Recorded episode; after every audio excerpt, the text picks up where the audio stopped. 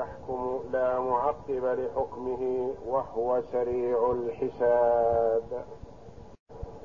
في هذه الآية الكريمة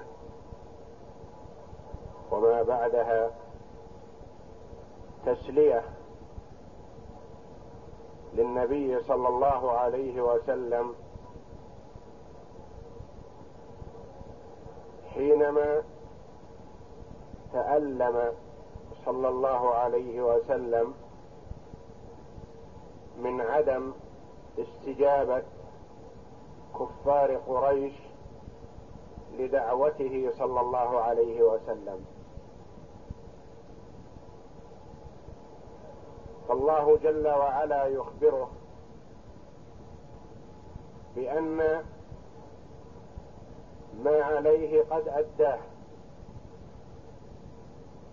وما بقي فهو إلى الله جل وعلا. فلم تقصر في البلاغ. قد أديت ما عليك. وما بقي يقول الله جل وعلا إلينا.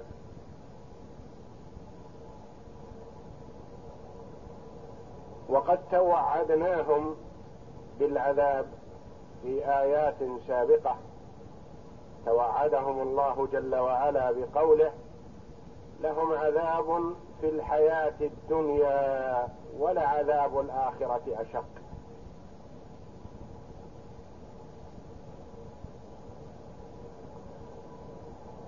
وآيات أخر سابقة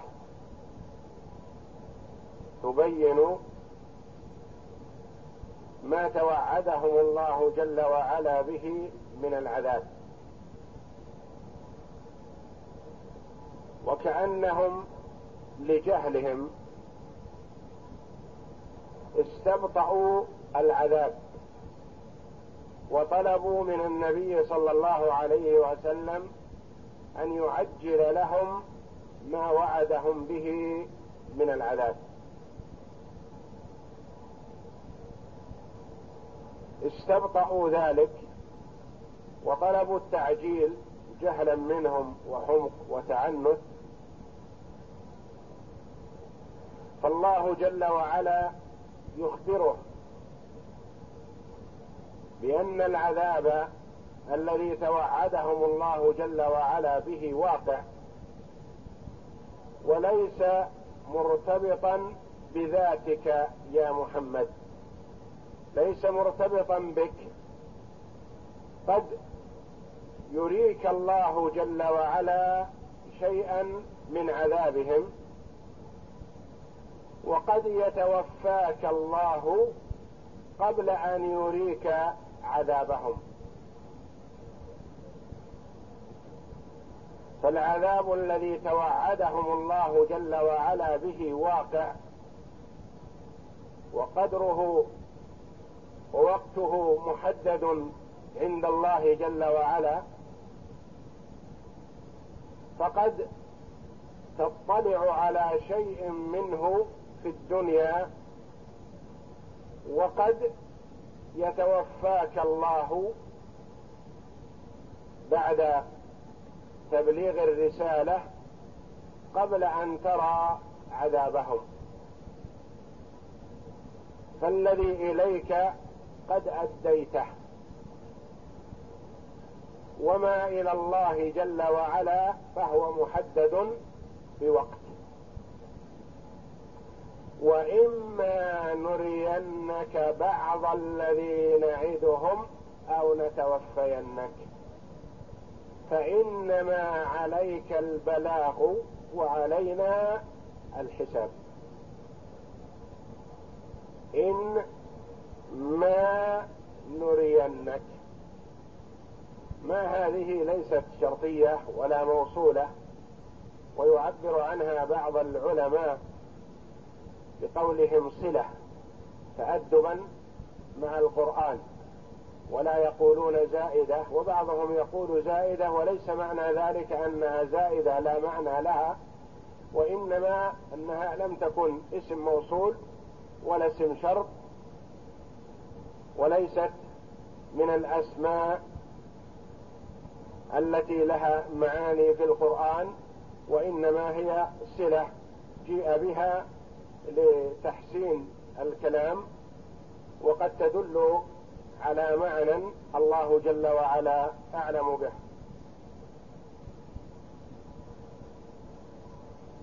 وتحليل كل الكلمة وإن نري نريك وإن نريك بعض ما نعدهم أو نتوفينك.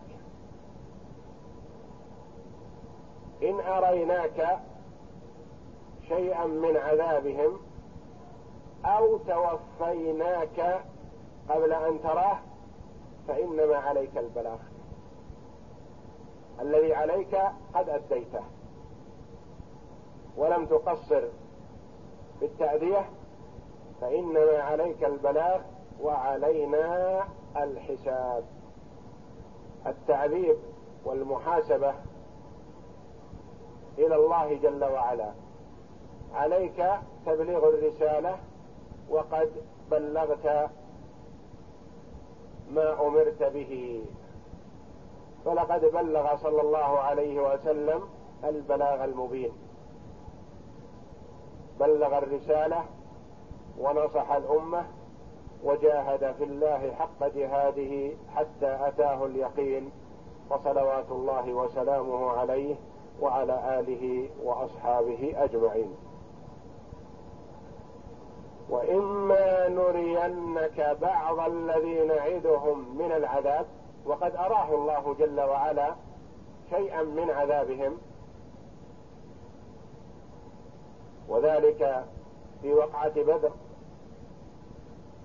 وفيما بعدها ونصره الله ونصر الله جل وعلا له ودخوله مكة فاتحا منصورا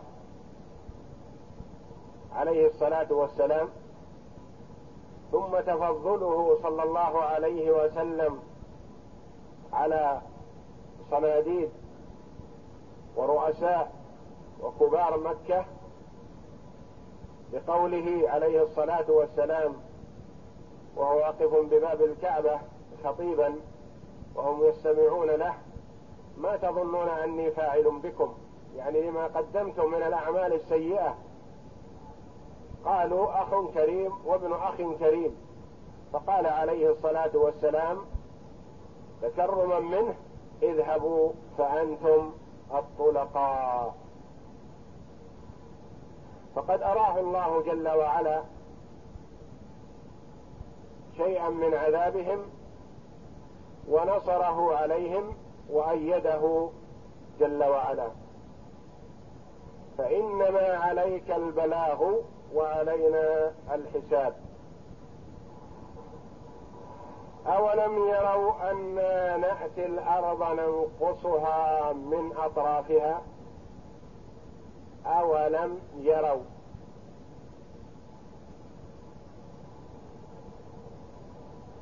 كثيرا ما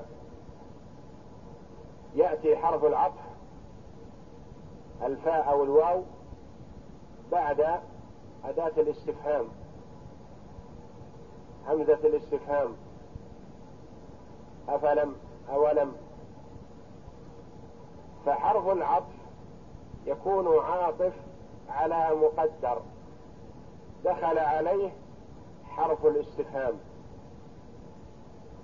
وتقدم لنا مثل ذلك قريبا. أفلم؟ أعموا. ولم يروا أنا نأتي الأرض ننقصها من أطرافها. في هذا توبيخ ولوم للكفار لعدم استجابتهم لمحمد صلى الله عليه وسلم. مع وجود الأدلة القاطعة على صدقه عليه الصلاة والسلام. اعموا ولم يروا أنا نأتي الأرض ننقصها من أطرافها؟ نأتي الأرض ننقصها من أطرافها. ننقص ديار الشرك والكفر. نقلمها. نقضي عليها شيئا فشيئا. تدخل القرى واحدة إثر الأخرى. في الدين الإسلامي. ويضمحل الشرك والكفر. أليس هذا دليلا قاطعا على تأييدنا لمحمد صلى الله عليه وسلم وأن أمره في ظهور ويوشك أن يدخل عليهم فاتحا فلا يبقى دار مشركة.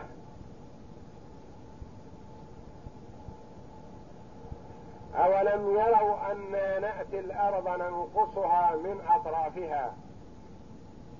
تدخل الديار في الإسلام تباعا ولم يبق إلا دارهم مكة. يوشك أن تفتح.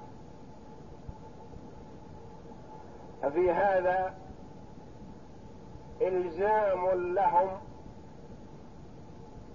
بالاعتراف بمحمد صلى الله عليه وسلم وأن أمره ظاهر لا محالة بتأييد من الله جل وعلا. ننقصها من أطرافها يعني تدخل في الدين الإسلامي واحدة بعد الأخرى. وهذا قول جمع من المفسرين رحمهم الله ولعله الذي يشهد له سياق الآية ما قبلها وما بعدها. وقال بعض العلماء نقص الأرض من أطرافها بموت العلماء والخيار. وقال بعضهم نقص الأرض خراب القرى أو خراب بعضها ووجود العمران في بعضها الآخر. والسياق يشهد بالتفسير الأول لأن الاستفهام للتوبيخ لكفار مكة فهم يوبخون على تأخرهم عن الدخول في الدين الإسلامي وعن استجابتهم عدم استجابتهم لمحمد صلى الله عليه وسلم. ننقصها من أطرافها. قال بعضهم الأطراف تطلق ويراد بها العلماء والخيار والأشراف. ونقصها نقص الأرض ليس بذهاب بعض الأرض وإنما بذهاب الخيار. والله يحكم لا معقب لحكمه. يعز من يشاء جل وعلا ويذل من يشاء جل وعلا. يظهر من شاء ويقضي على من شاء فهو جل وعلا الفعال لما يريد. والله يحكم. يقضي بما شاء جل وعلا. لا معقب لحكمه. المعقب هو الذي يتتبع الشيء بعد وجوده فيقره أو ينفيه أو يقر بعضه وينفي بعضه.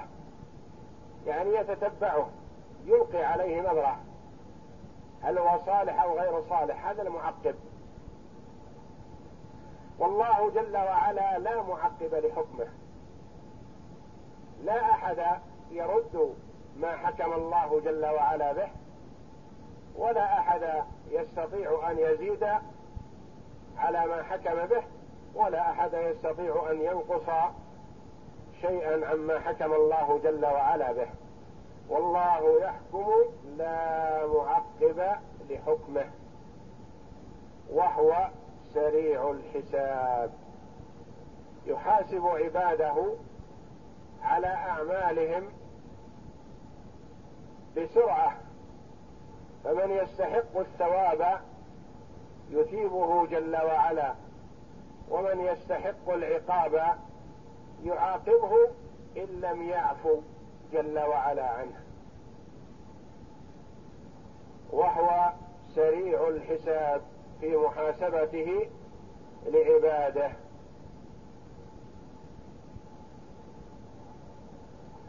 يقول الله جل وعلا وقد مكر الذين من قبلهم. فلله المكر جميعا. يعلم ما تكسب كل نفس وسيعلم الكفار لمن عقبى الدار. وسيعلم الكافر لمن عقبى الدار. قراءة أخرى سبعية. يقول تعالى وقد مكر الذين من قبلهم. كفار قريش أرادوا المكر بالنبي صلى الله عليه وسلم. كما قال الله جل وعلا وإذ يمكر بك الذين كفروا ليثبتوك أو يقتلوك أو يخرجوك ويمكرون ويمكر الله والله خير الماكرين. واذ يمكر بك الذين كفروا ليثبتوك هم تشاوروا واجتمعوا سرا كيف يفعلون بالنبي صلى الله عليه وسلم. اجتماعهم في دار الندوة وحضور الشيطان معهم ماذا يفعلون؟ لأنهم رأوا كثرة من يتبعه عليه الصلاة والسلام وأن أمره في ظهور. فتشاوروا قال بعضهم نرمي به في السجن ونغلق عليه الأبواب ولا نطعمه ونسقيه إلا قليلا حتى يموت في سجنه.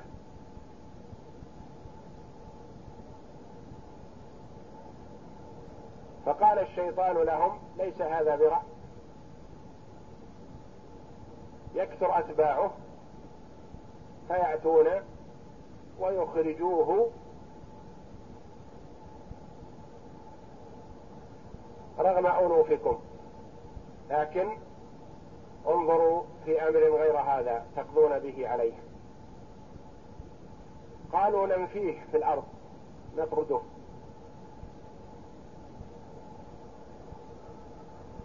إن ظهر وصار له شأن وعز وتمكين فهو ابننا وصاحبنا واحد منا. وإن هلك في البرية أو أتاه من يقتله استرحنا منه. فقال الشيطان اللعين هذا ليس برأي. إذا خرج أثر على الناس ألا ترون حلاوة منطقه وحسن كلامه وكذا وكذا يؤثر على الناس بكلامه ثم يتبعوه فيأتي إليكم فاتحا مقاتلا ليس هذا برأي فقال أبو جهل عليه لعنة الله الرأي عندي هو أن يجتمع عشرة من فتيان قريش كل فتى من فخذ من قريش ويعطى كل واحد منهم سيفا فيترصدون له فإذا خرج من داره ليلا ضربوه ضربة رجل واحد فيتفرق دمه بالقبائل فلا يعرف من الذي قتله بعينه. فيرضى بنو هاشم بالدية ونعطيهم ما شاءوا من المال. فقال إبليس اللعين الرأي ما يقول هذا الفتى. هذا الرأي لأنه يرى في هذا الخلاص من محمد صلى الله عليه وسلم. أما الأمور الأخرى الأولى ليس فيها خلاص. هذا فيها خلاص نهاية. الرأي ما يقوله الفتى. فاتفقوا على هذا. وأعطوا عشرة من الشبان. كل واحد سيف وترصدوا له وهم يرونه في فراشه عليه الصلاة والسلام. مع كوة الباب ينظرون إليه في فراشه. فلما خرج عليه الصلاة والسلام معه الله جل وعلا. ألقى الله جل وعلا عليهم النعاس والنوم كلهم. وأخذ عليه الصلاة والسلام شيئا من التراب وذره على رؤوسهم ومشى. وخرج عليه الصلاة والسلام في طريقه للهجرة.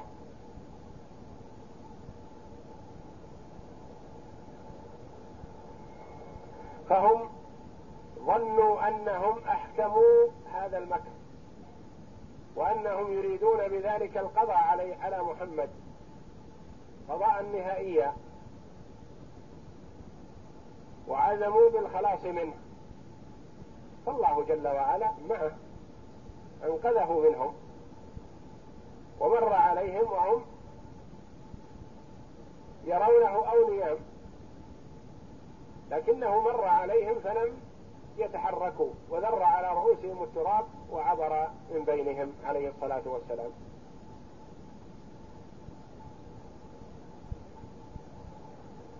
يقول الله جل وعلا هنا وقد مكر الذين من قبلهم. يعني ليس المكر خاص بهؤلاء كفار قريش. مكروا بمحمد صلى الله عليه وسلم. لا. هذه سنة الله في خلقه. الكفار يريدون المكر والخديعة برسل الله وأنبيائه والله جل وعلا مع رسله ومع أنبيائه يكلأهم ويحفظهم ويمنع عنهم هذا الكفار. فليس مكر كفار قريش بك الوحيد من نوعه أو هو الأول حتى يستغرب فهم مسبوقون إلى ذلك وقد مكر الذين من قبلهم.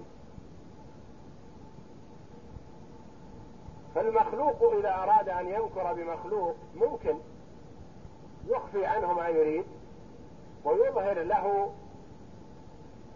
المحبة والإلفة حتى يخدعه لأنه يخفى عليه الأمر.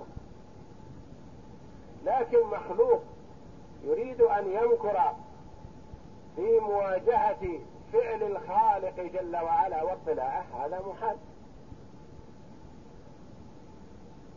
وقد مكر الذين من قبلهم فلله المكر جميعا.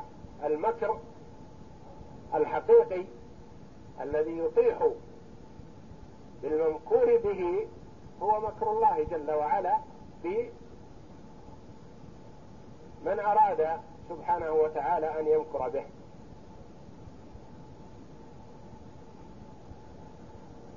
والمكر فعل. وليس كل الأفعال يشتق لله جل وعلا منها صفات. فنقول الله جل وعلا يمكر بأعدائه. ولا نشتق من هذا الفعل صفة لله جل وعلا. فلا يقال جل وعلا الماكر وإنما يقال يمكر ولا تطلق هكذا إلا بإضافتها إلى من ينكر به يمكر بأعدائه. يمكر جل وعلا لأوليائه يعني في صالحهم. فلله المكر جميعا. المكر الذي يطيح بالممكور به هو المكر الذي يصدر من الله جل وعلا لأعدائه حقيقة. فلله المكر جميعا. لما؟ لما؟ يعلم ما تكسب كل نفس. لأنه جل وعلا يعلم ما تكسب كل نفس. المخلوق إذا أراد أن يمكر بآخر يختفي عنه بشيء ما ثم ينفذ ما أراد. من أراد أن يقتل شخصا مقبلا اختفى عنه وأطلق عليه. اختفى عنه لأجل أن لا يرى حتى يقرب منه ويقضي حاجته منه أو يسوق يستجر حتى يوقعه في الهلكة. هذا فعل مخلوق بمخلوق. لكن الله جل وعلا يعلم كل شيء لا تخفى عليه خافية. السر عنده علانية. وما هو أدنى من السر؟ حديث النفس عنده علانية جل وعلا. فإذا وسوست نفس المرء له بأمر من الأمور علمه الله جل وعلا.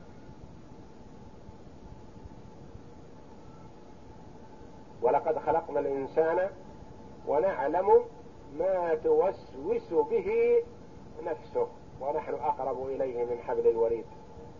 يعلم خائنة الأعين وما تخفي الصدور.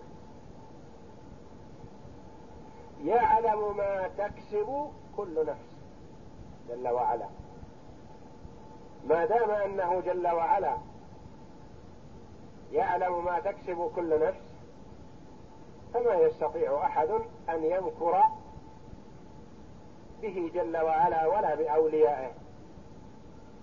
ما يستطيع لأن الله جل وعلا يرى مطلع عليه ويعلم ما في نفسه.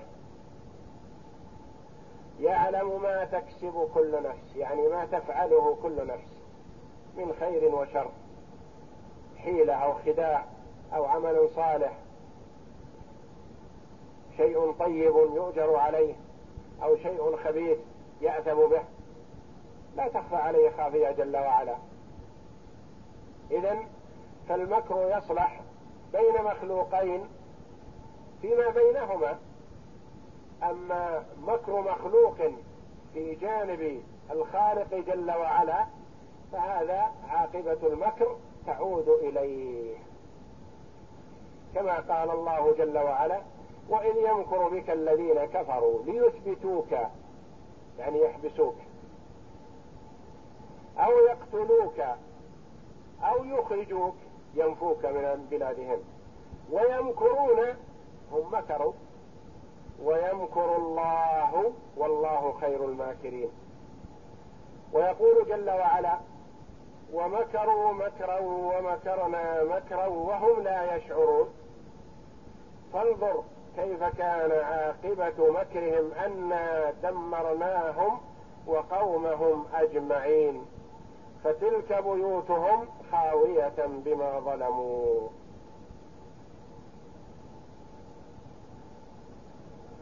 وسيعلم الكفار لمن عقب الدار. سيعلم.